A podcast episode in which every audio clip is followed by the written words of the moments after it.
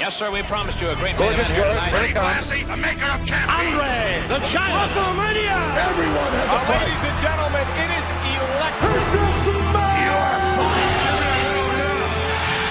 The champ is here. Selamat datang lagi di Komerik Podcast bersama Mindan. Dan High Priest. Ya, ini episode ini sedikit delay karena satu dan lain hal. Uh, Aral melintang seperti biasa. Hmm, Aral lumayan banyak. Uh, Tapi kayak ini semacam jadi blessing in disguise juga karena gue bisa baca ada banyak bahan buat dikonsumsi selama delay ini. jadi lumayan lah. Nama nama, Nambah waktu. nama substansi. Not bad. Oke. Oke, jadi Jadi pada kesempatan kali ini kita akan membahas Ya, jadi pertama gue mau previous dulu dengan weekend lalu sekitar tanggal pokoknya 9 sampai 12 Agustus itu kayak Mhm. di eventful banget di dunia gulat. Ada final G1 Oh. Climax. Ada NXT Takeover. Ada SummerSlam. Dan plus dengan tambahan waktu sebelum recording tambah sat, lima hari lagi ada Fallout Show SummerSlam di main di WWE Raw SmackDown kawan-kawannya. Jadi that's a lot to take in. Dan ini nyambung pas banget sama bahasan kita kali ini yaitu WWE Superstars Arc Legends ditulis Mick Foley ya that Mick Foley Mick Foley yang itu dan artis Shane Riches. Ini tuh dari title WWE Uni, WWE Superstars yang lama sih, terbitan Paper Cuts belum diambil sama Boom. Dan paper cut sih. ya, mereka sempat nerbitin Power Ranger juga sebelum itu. Sebelum diambil Boom. Oke, udah lumayan lama 2012 kali ya. Nah, kenapa komik ini? Karena kita sebenarnya udah ngebut bahas ini dari WrestleMania season. Nah iya. Dari rada awal ya, rada awal kita bikin podcast tuh udah pengen Dari April ngomong. pokoknya. Wacananya mau dibikin April tapi bentrok sana sini banyak film kejegal kejegal endgame. Heeh. Kecegal endgame. Aduh. Ya akhirnya didorong lah sampai sekarang. Mhm. Eh. And now we can go ham. We can finally go ham. Karena basically Legends ini premisnya adalah Secret Wars but wrestling. The idea is so out there. I fucking love it. Jadi WWE Superstars dari zaman dulu kayak dari angkatannya Hulk Hogan sampai uh, present day at the time sampai 2012 itu 2014 sampai 2014 tuh keluar semua. Dari zaman belum entertainment ya, masih Federation. Masih Federation, Mhm. masih Hulk Hogan, Iron Sheik gitu-gitu. Gila Iron Sheik. itu itu eh, sidebar dikit. Itu Ya. kayak masih salah satu nama wrestler paling keren yang pernah gue denger sih. The Iron Sheik. Dan emang You can top that. all time great sih emang dari nama dan dari performance juga. Legend, le- like bona fide legend. Nah di sini premisnya adalah mereka semua itu dibawa ke satu satu tempat satu satu planet bahkan di mana mereka dibikin compete dengan gimmick Jadi- matches yang ajaib-ajaib. Kalau pakai terminologi Secret Wars ya Battle World lah ya. Ya, ini Battle World-nya. Ini kita ba- baru ini baru baru baru buka buku nih. Udah dibawa Colosseum di mana Iron Sheik Gladiator Battle lawan Daniel Bryan. Hmm. Terus bener-bener battle-nya tuh yang pakai armor gladiator gitu. Tapi tetap jurusnya gulat.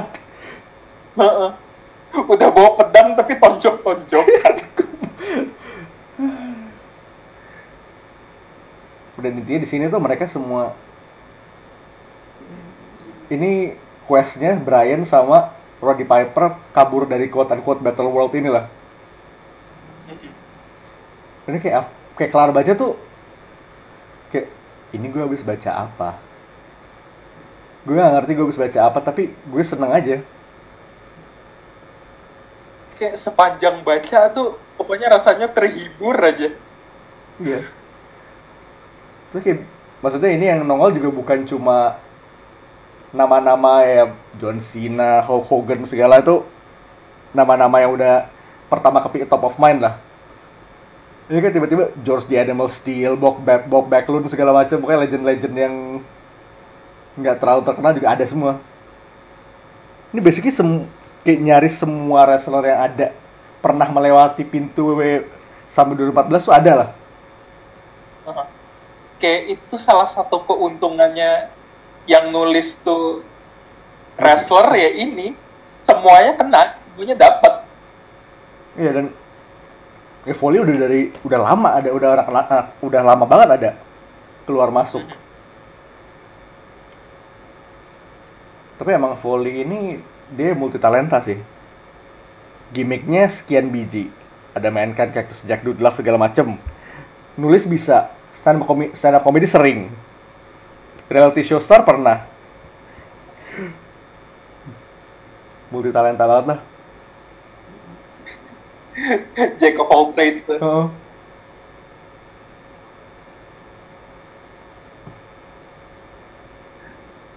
Bahkan tuh ada satu ya battle world satu world. Tuh kayak satu tempat di mana gimmick-gimmick gagal wrestler yang udah terkenal tuh di tem- ditaruh di situ semua. gimmick lamanya Batista, terus ada eh, Kevin Nash zaman-zaman masih jadi Wizard of Oz. sama oh sama that one time uh, Kane. Dulu tuh pernah punya gimmick jadi dokter gigi actually happened. Man, wrestling used to be so wild. It's wild. Okay, it's still wild now, but it's not as wild. kan itu dulu dulu itu hampir semua karir itu ada pegulatnya Big Boss Man. Dia prison guard. Duke the Dumpster tukang sampah. IRS pegawai pajak. Eh, pegawai pajak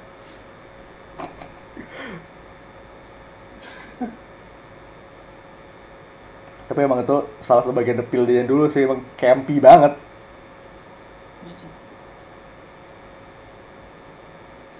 Nah jadi kayak gitu Test ya terus kayak let's say ya dua kasih kasih dua apa tiga Wrestlemania momentnya lah di arc ini. Kayak dari lo apa?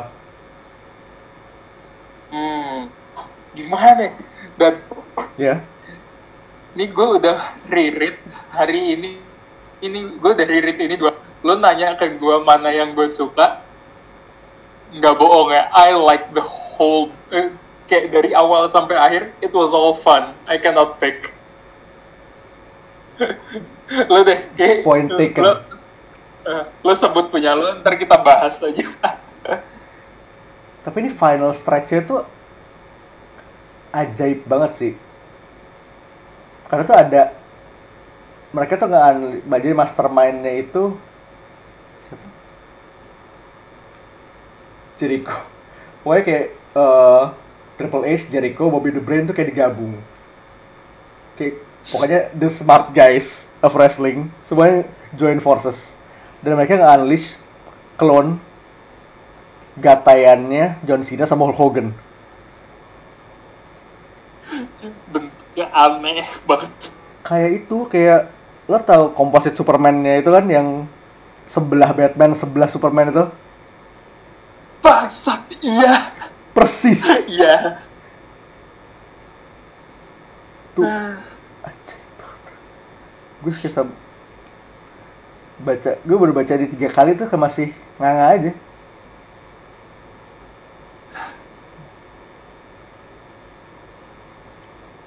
Ah, ini emang buku something banget sih Oke, wrestling in itself itu udah cukup ajaib. Tapi abis lu baca buku ini tuh berasa banget makin ajaib. Hmm. Karena gimana ya?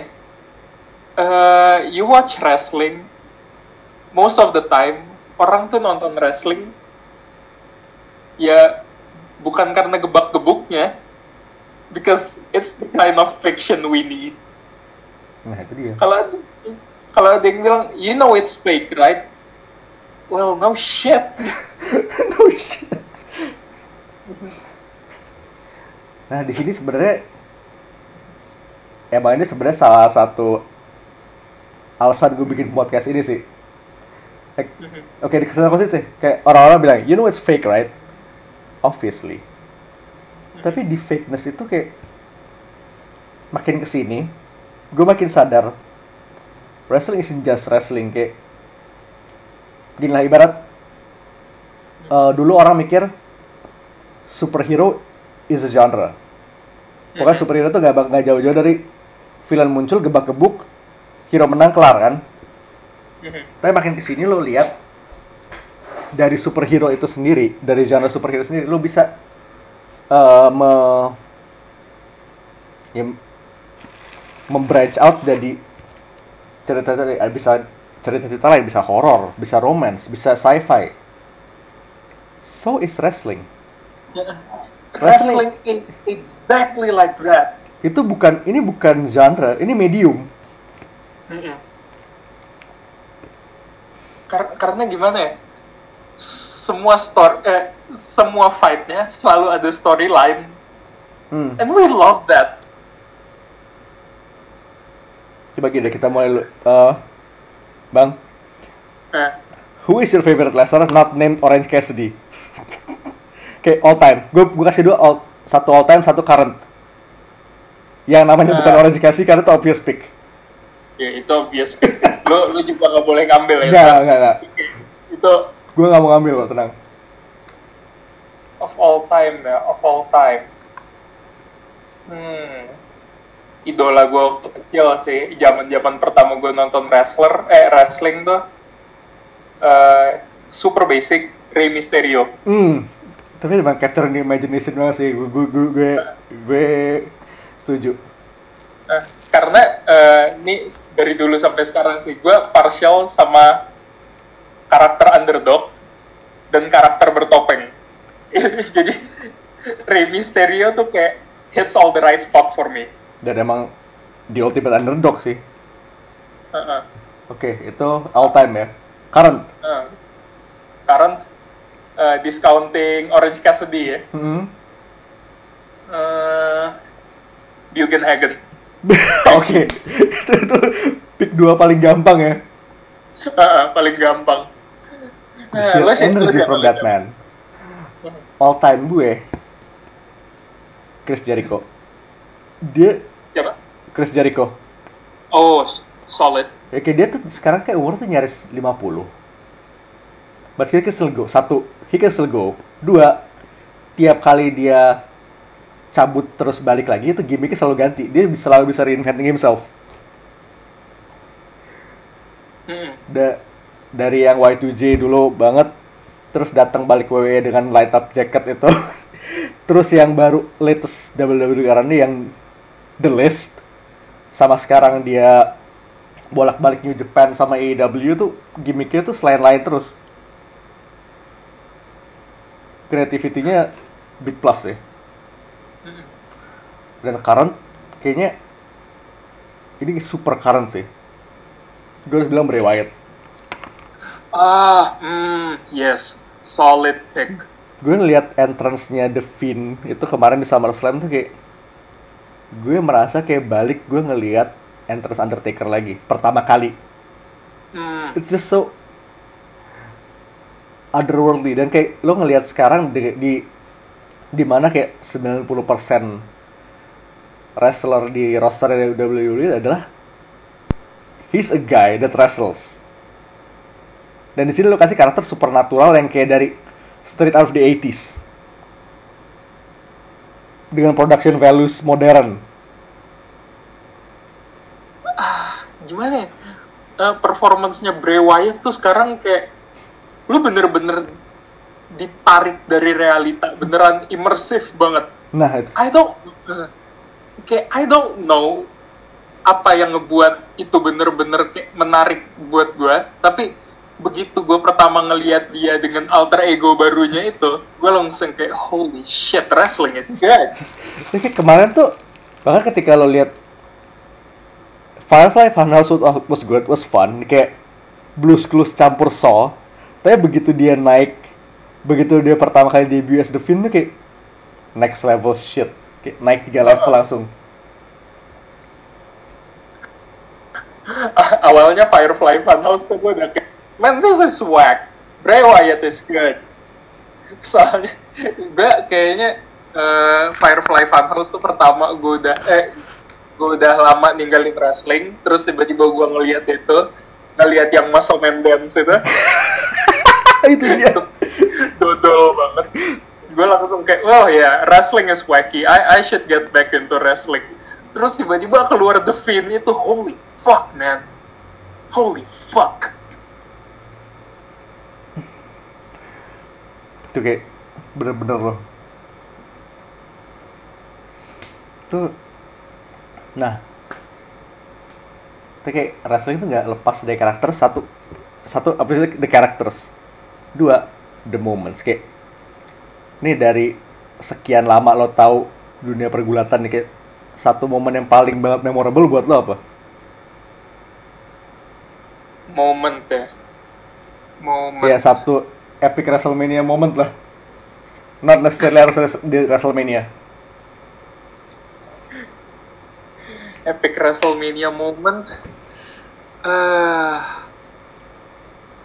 shit, I don't know. Kalau wrestling in general ya, In general. moment favorite, eh, moment fav- favorite gue tuh yang kayak Man, I've been an Undertaker, eh, Undertaker. I've been a Rey Mysterio fan for a while, tapi yang gue baru discover kayak dalam beberapa bulan terakhir tuh ya itu yang custody anak.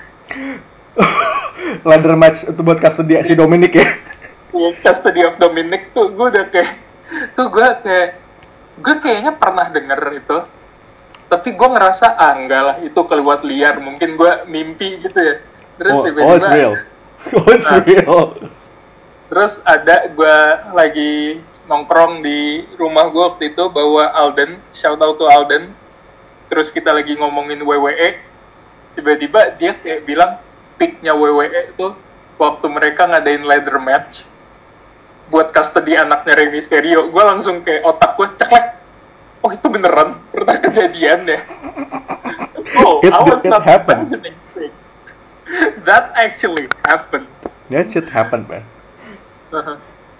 Tuh dan sekarang tuh anaknya kabarnya mau direkrut WWE sih.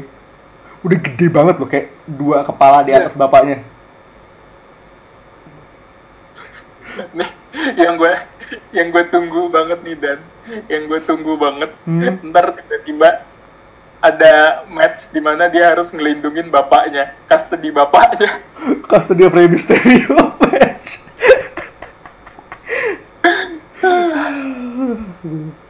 Kalau lo apa nih gue eh dari beberapa kayaknya itu pertama kali gue discover apa itu namanya Wrestle Kingdom deh. Kayaknya Hmm. Wrestle Kingdom berapa ya gue pertama kali nonton itu yang ada pokoknya gue inget ada matchnya Ibushi lawan Nakamura. Gue pakai 9 Oh, deh. ya, oke. 9 ya 2015. Gue tuh sebelum itu kayak it's all WWE kayak gue nggak tahu gue nggak tahu ada promotion lain kecuali mungkin kayak pas dulu tuh sta- eh, TV kabel sini tuh sempet nayangin TNA buat beberapa waktu. Dan at the channel time apa ya? Star Sport apa nggak salah. Star Sport ya? Hmm. oke oke oke. Wah, itu zaman ringnya masih 6 sisi dan kayak zaman AJ Styles, zamannya Kurt Angle masih di situ. Zamannya Steiner Math, buset itu udah berapa lama yang lalu kalau gitu artinya kayak 2000 berapa ya? 2010 ke bawah lah. gue belum lulus SMP Nah, holy shit itu. Wrestle Kingdom 9 eh kalau nggak salah itu matchnya pokoknya Ibushi lawan Ibushi Nakamura terus AJ Styles Naito itu kayak mata gue terbuka kayak holy shit. There's more than WWE out there.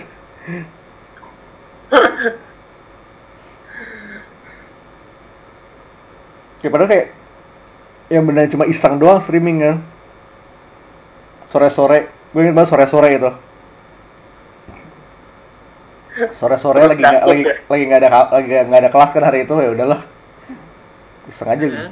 gue nonton sore tuh kayak begitu keluar tuh kayak jam sekitar jam 7 gitu jam 7 malam kayak udah mind blown Eh, Wrestling is good. Terus kayak Good. Iya. eh saat itu gue nggak tahu nontonnya di mana kan. Gue baru encounter lagi tuh Wrestle Game 10. AJ versus Nakamura.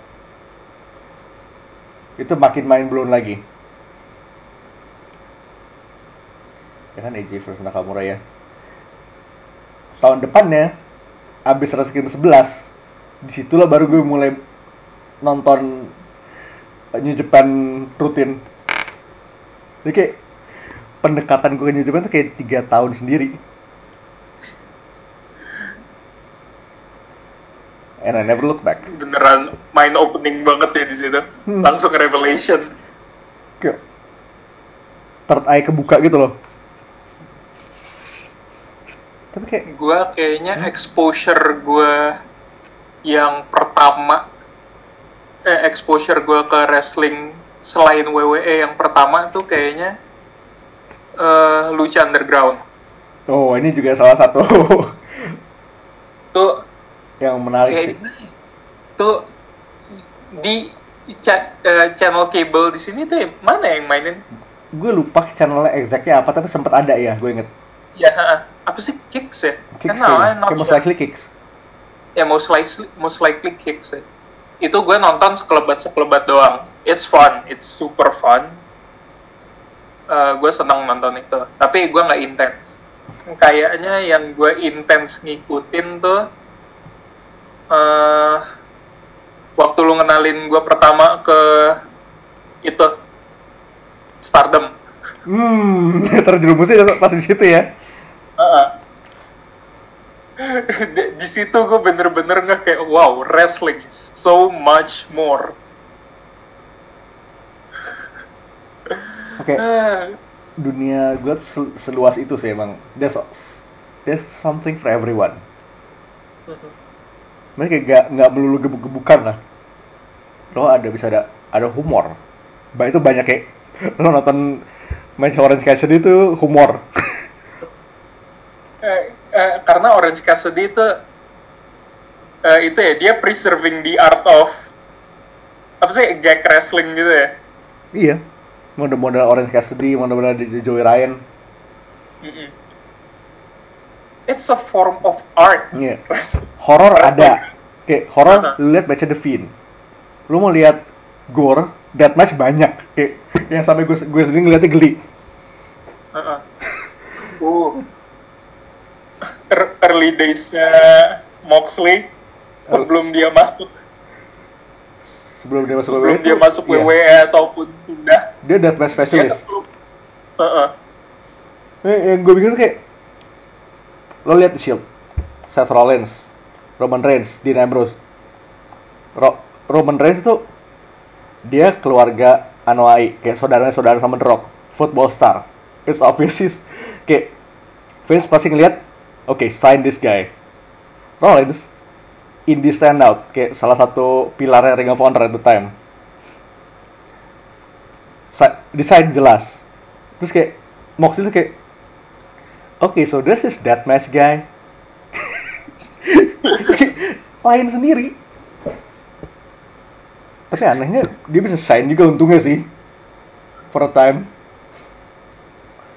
Tapi kayak dia lepas dari WWE lepas dari lepas dari kekangannya tuh kayak udah langsung ngegas gila banget ini kayak lo sempat kepikir nggak sih kayak eh lo bayangin ada satu eh, ada satu universe di mana Moxley lahir zaman-zaman Attitude Era.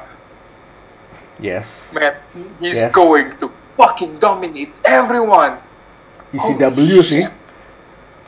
Gue lu udah bisa bayangin, gue udah bisa bayangin matchnya dia lawan The Sandman, lawan Tommy Dreamer segala.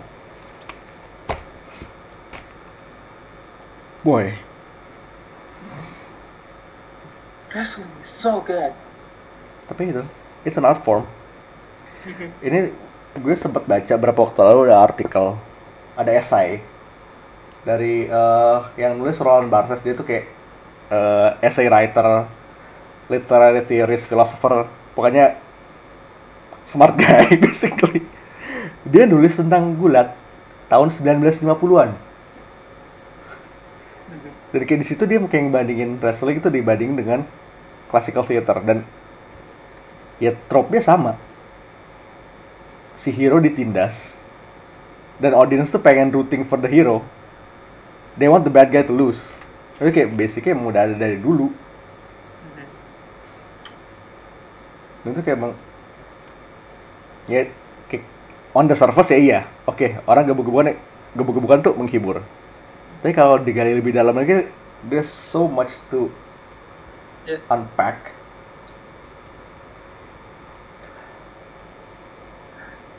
Dan ini- Wrestling is so much more than just guys in tights slapping each other on the tits. Wrestling is so much more.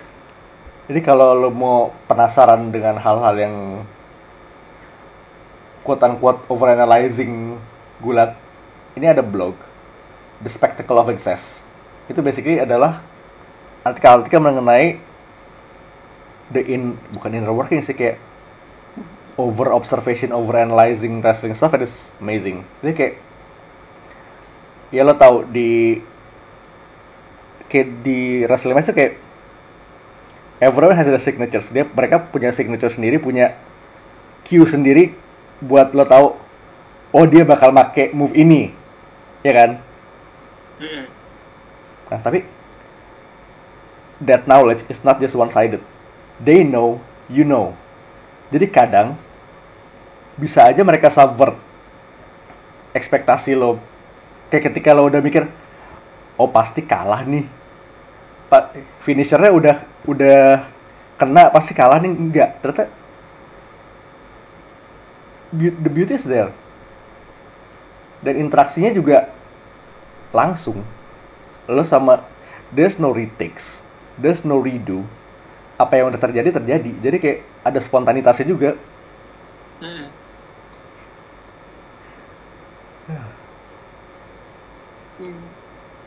jadi Dan emang itu sebenarnya Hmm? ngebuat wrestling special. iya Kayak once something is done, it's done. It's history. It's beda sama theater. When you do a mistake once, it'll be a mistake. But di play-play berikutnya, mungkin itu bisa dihindari. Wrestling, there are no other plays.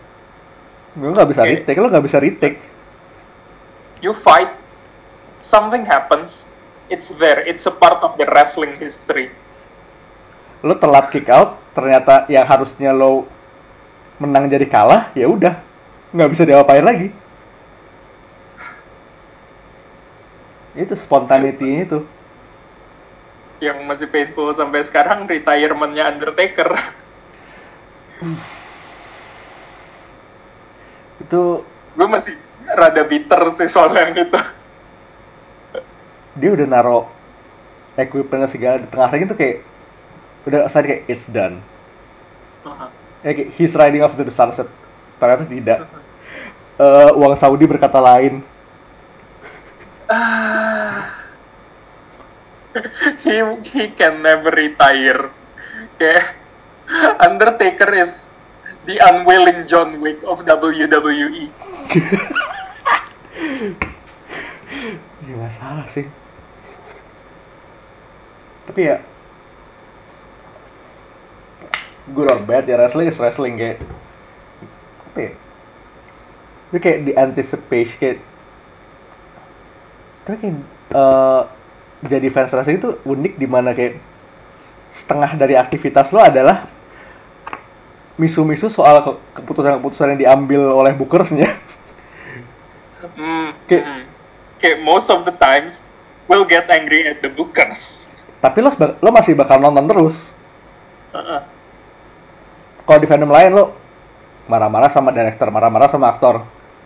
Ada chance lo bakal drop itu show atau drop itu film.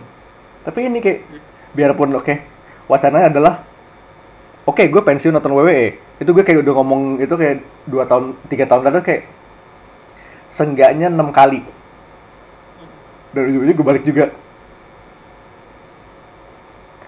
Nah di situ juga interaksi antara fans sama the people running the show itu penting. Karena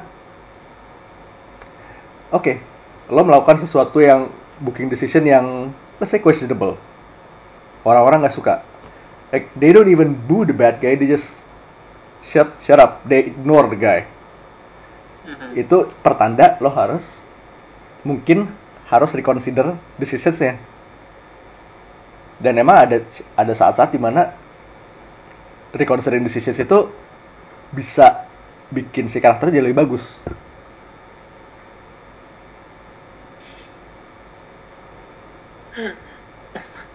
Speaking of karakter lebih bagus, Mhm. dan ya wrestling mistake terbesar menurut lu siapa? define wrestling mistake Eh, how do I put this? Ya udah gue langsung kasih yang menurut gue ya. oke ntar gue kasih dulu Roman Reigns. itu gampang tapi emang nggak salah Iya. Ah, Man, where to even start? tapi gini eh like Roman himself like he's not the best worker ever kayak secara skill ya he's okay Mhm. look obviously ada tapi masalahnya adalah dia kayak terlalu dikekang sama sama kreatif sih Mhm. terlalu dikekang dan pushnya kecepatan Nah itu, Eh, sebenarnya menurut gue ya, pushnya nggak kecepetan, cuman arahnya salah. nah itu dia Nah, iya kan?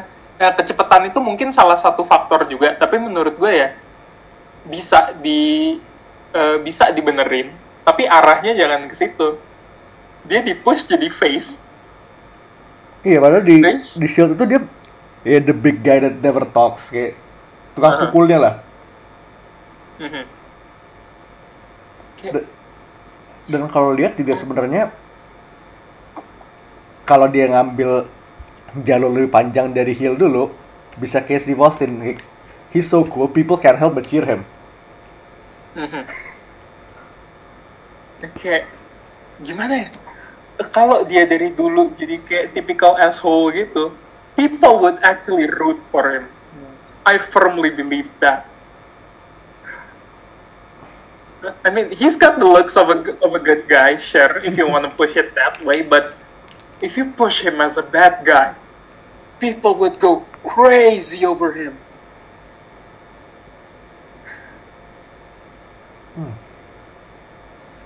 Oke, itu basically gue. Menurut lo siapa? gue nggak bisa bilang ini biggest wrestling mistake tapi ini kayak recently ini sebenarnya lumayan ngeganggu gue juga sih Siapa tuh? Finn Balor Ah, belakangan ini kayak dia lumayan boring sebenarnya kayak the only time when it's not boring is when, is when he's the demon. The rest of the time dia kayak he's just kayak this smiling handsome dude who does drop kicks. Padahal zaman zaman zaman dia di New Japan tuh dia dia pendiri Bullet Club dan he's, he's a massive shit. Sebenarnya dia salah satu orang yang paling benefit dari heel turn juga sih. Lo bayangin sekarang, kemarin abis dibantai, dibantai Bray Wyatt, kabarnya sekarang dia mau cuti dulu, mau cuti kawin, begitu balik, jadi jadi balik jadi demon, eh ngalahin ya mungkin nggak ngalahin tapi matching Bray Wyatt. Terus kayak dia he enjoys being the bad guy. Masuk OC sama AJ sama Gallows Anderson BC balik lagi Boy.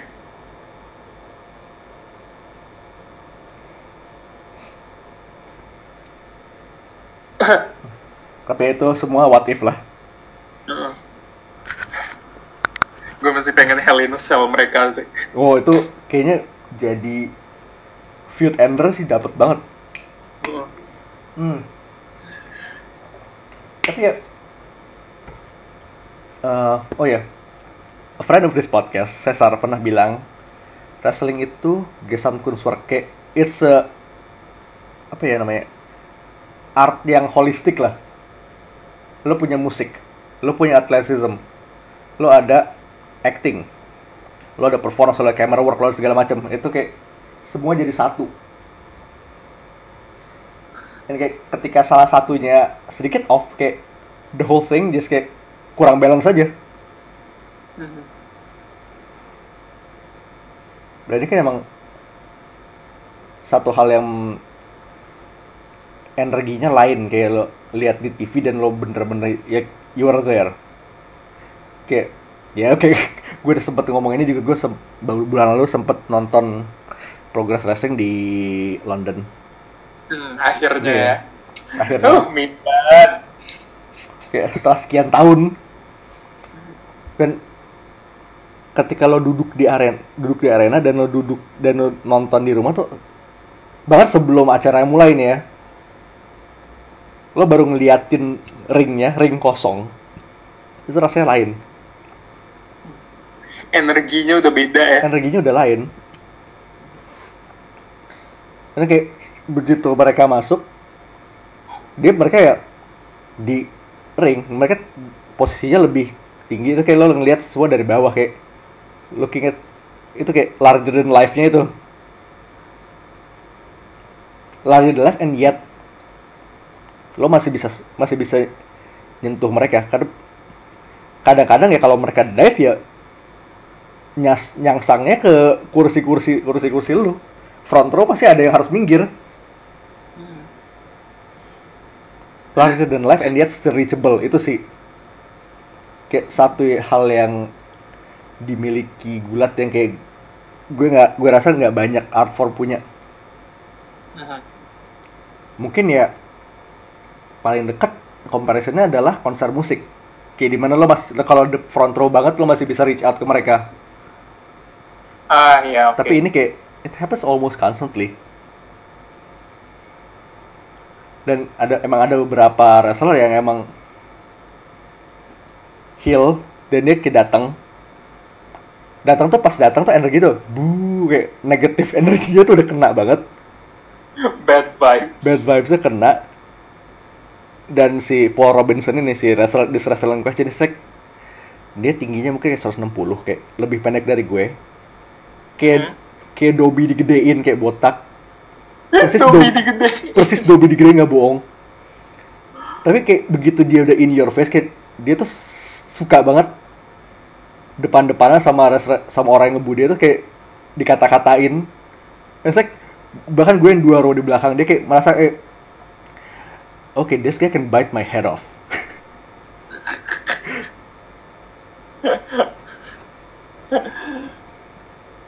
Ini kayak kedekatan tuh kayak gitu nggak rasa nggak bisa rasain di tempat lain sih.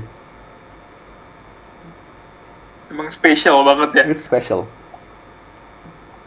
Bahkan kayak eh, gue kemarin juga sempat baca quote dari Toshiaki Kawada. Ini salah satu pilarnya Noah sama All Japan. Pokoknya salah satu legend legend puro lah. Sekarang dia jualan buka restoran ramen di Tokyo. Dia bilang I've lost too much weight I've lost the ability to be a pro wrestler. Kayak implying kayak being a pro wrestler is something more than human. And kayak I'm inclined to agree kayak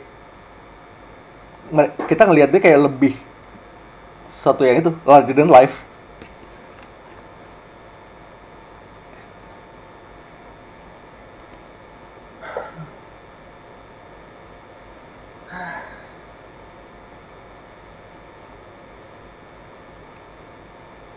Kayak, gimana ya? Re- Wrestling is special to both the audience and the wrestler.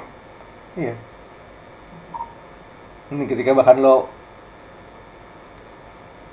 Iya, oke lah winning a championship is like a sport championship is a thing, it's a big thing. Tapi ya ketika lo tahu lo bakal menang itu sebelum bahkan lo masuk matchnya, it doesn't even kayak impactnya bakal nggak kurang. Masih banyak banget yang begitu menang title ya nangis. Kayak heel or face kayak mereka tetap aja nangis kayak bahagia. The emotions are real. kayak kayak yang kita bahas tadi eh, Rey Mysterio ya begitu dia dapat eh, hak milik buat anaknya lagi ya dia pasti senang banget oh that will atau again Aduh, hak milik emang. milik.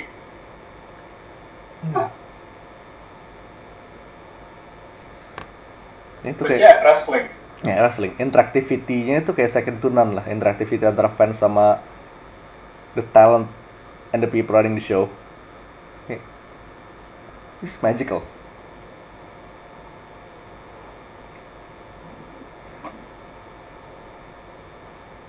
oke ya wrestling is all genres kayak horror udah action banyak komedi sering even romance. Bahkan tell me Golden Lovers isn't romance. It's definitely romance. Yaoi wawi. Yaoi wowie ya wrestling is something else kayak kayak apa pun yang lo nonton kayak there's something for everyone. Kayak ya promotion beda ya cat- cateringnya beda lah. Dan kadang emang ada hal-hal yang cuma wrestling cuma di dunia gulat. Kayak DDT itu salah satu offender paling hebat ya. Kayak dalam dua bulan terakhir aja mereka udah bikin show di water park sama di cagar apa? Elephant reserve. Di penangkaran gajah gitu loh. Terus saya itu loh inget pernah mereka pernah bikin show di kereta. Ah that terus satu lagi konsep yang dipinjam sama WWE juga eh, 24/7 title. Yang mana di DDT pernah dimenangin sama Yakitori Iya, dimenangin masih sate ayam. dimenangin sate ayam. Wah, sampai sekarang tiap gue nunjukin ke temen-temen eh tiap, sampai sekarang nih ya kalau teman-teman gue bilang lo kenapa masih nonton wrestling? Wrestling is you know it's fake right? Gue langsung nyari klip itu di YouTube. I know it's fake and I fucking enjoy it. No shit is fake. no shit it's fake but come on this kind of this kind of quality you cannot find it anywhere else. Cuman di wrestling. Especially Japanese wrestling. Japanese wrestling is whack as fuck.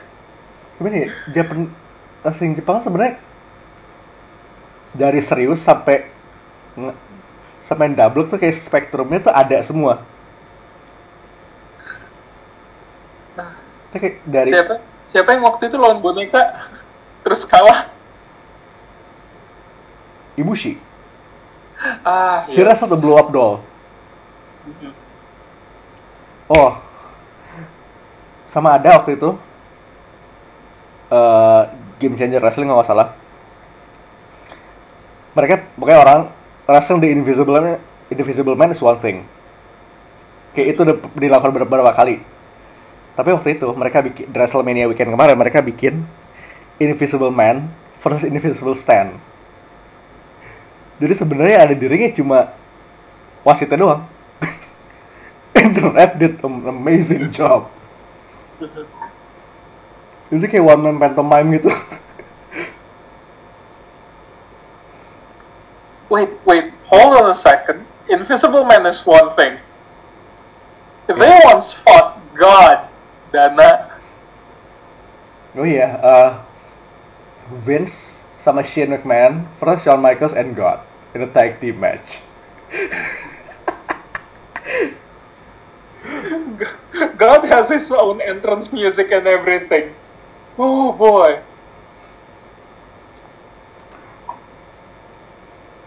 And by the way, God is 0 and 1. Karena dia kalah.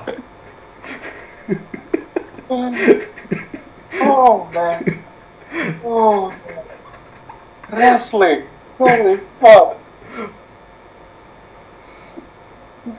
This fucking medium, I tell ya. Boy. Itu. It's a medium as as comics. Mereka kayak crossover aja juga jelas sih.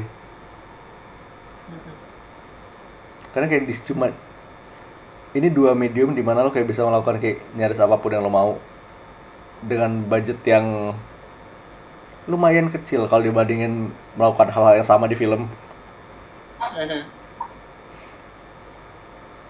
Yeah.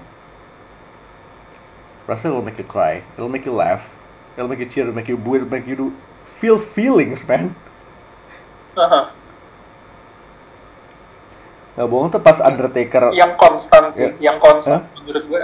Wrestling, wrestling is joy. It's joy. Ya.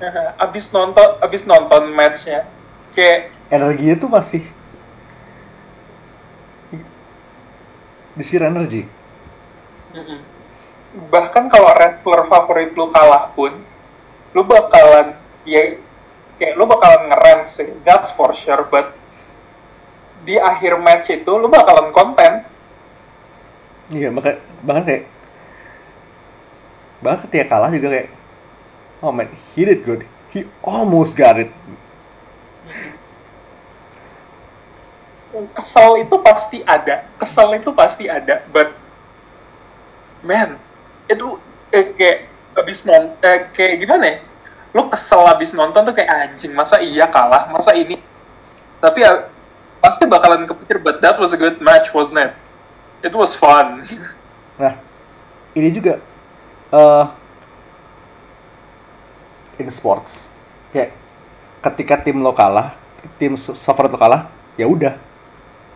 Misal World Cup, let's say Inggris tumbang semifinal, ya udah kelar ceritanya kan. In wrestling, yang kalah belum tentu ceritanya kelar. Bisa aja tuh jadi storyline, let's say dia losing streak menahun, kayak begitu kayak 300 kali match 300 kali kalah begitu kayak when he picks up finally picks up that win itu meletus semuanya.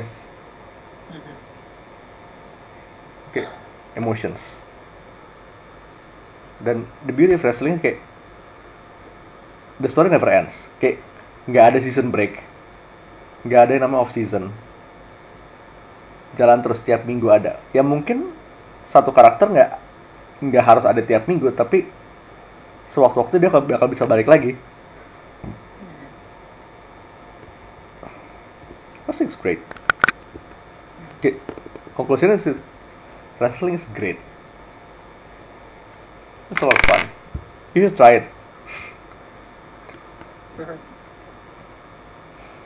Wrestling is anything but wrestling. Eh begitulah.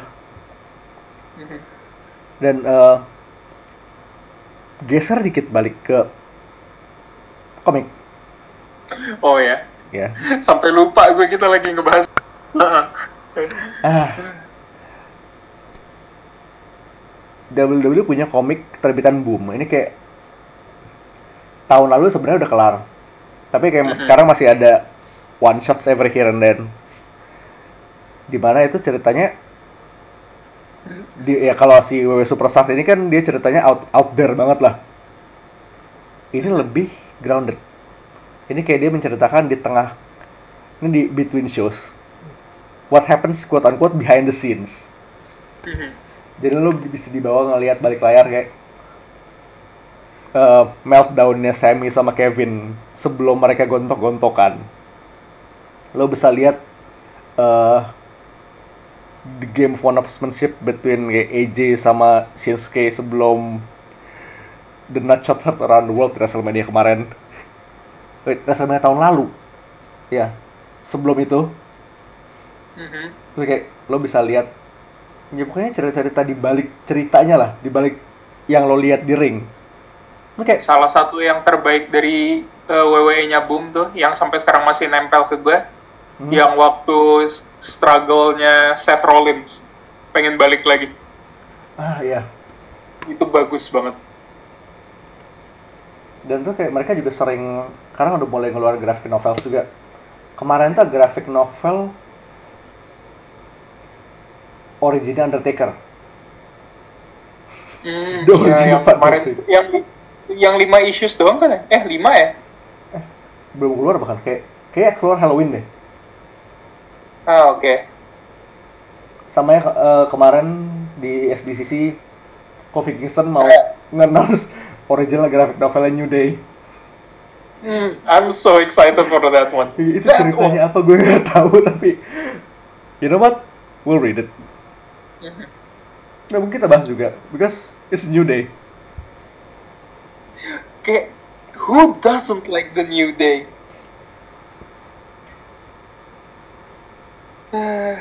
Kayak New Day itu bahkan kayak udah tahan long lasting banget loh. Kayak mereka tuh berdiri itu 2014 udah lima tahun kayak jarang banget stable tahan lebih dari tiga tahun Gimana ya? and here they New are Day still going strong New Day itu dari awalnya gue kayak apa sih nggak jelas banget sampai akhirnya gue kayak rooting for them. Ah, wrestling is great. gitu opini lo terhadap satu karakter atau satu wrestler tuh bisa diubah segitu gampang ya Hmm. ya great jadi Boom Studios WWE itu kalau emang lo pengen kayak ngeliat story behind the story itu pas banget sih. So that's it. That's our wrestling podcast. Yeah. Uh, we barely talk. We barely talk about comics, but you know what? That's okay. sekali-sekali Uh-huh. because wrestling is fine wrestling is fun Wrestling is good. Wrestling is great. So, uh, next episode kita bakal ngomongin komik lagi. Uh-huh. Maksud of kayak ini komik yang lumayan eh, quote unquote take down sih belakangan ini. Mhm. Me and the boys ya. ah, Me and the boys. cracking a cracking open a cold one with the boys. Ya, Ah. bakal fun banget sih. So, we'll see you next time. Uh-huh. Till then, this is Mindan. This is High Priest. Signing off. Peace. Out. Performing our next nominated tune is a man who has repeatedly proven that he cannot talk. And who tonight will prove that he can't sing either. Vince McMahon performing, and I believe this is good advice for all of you here and at home to put your fingers up, your ears, and stand back. Vince McMahon.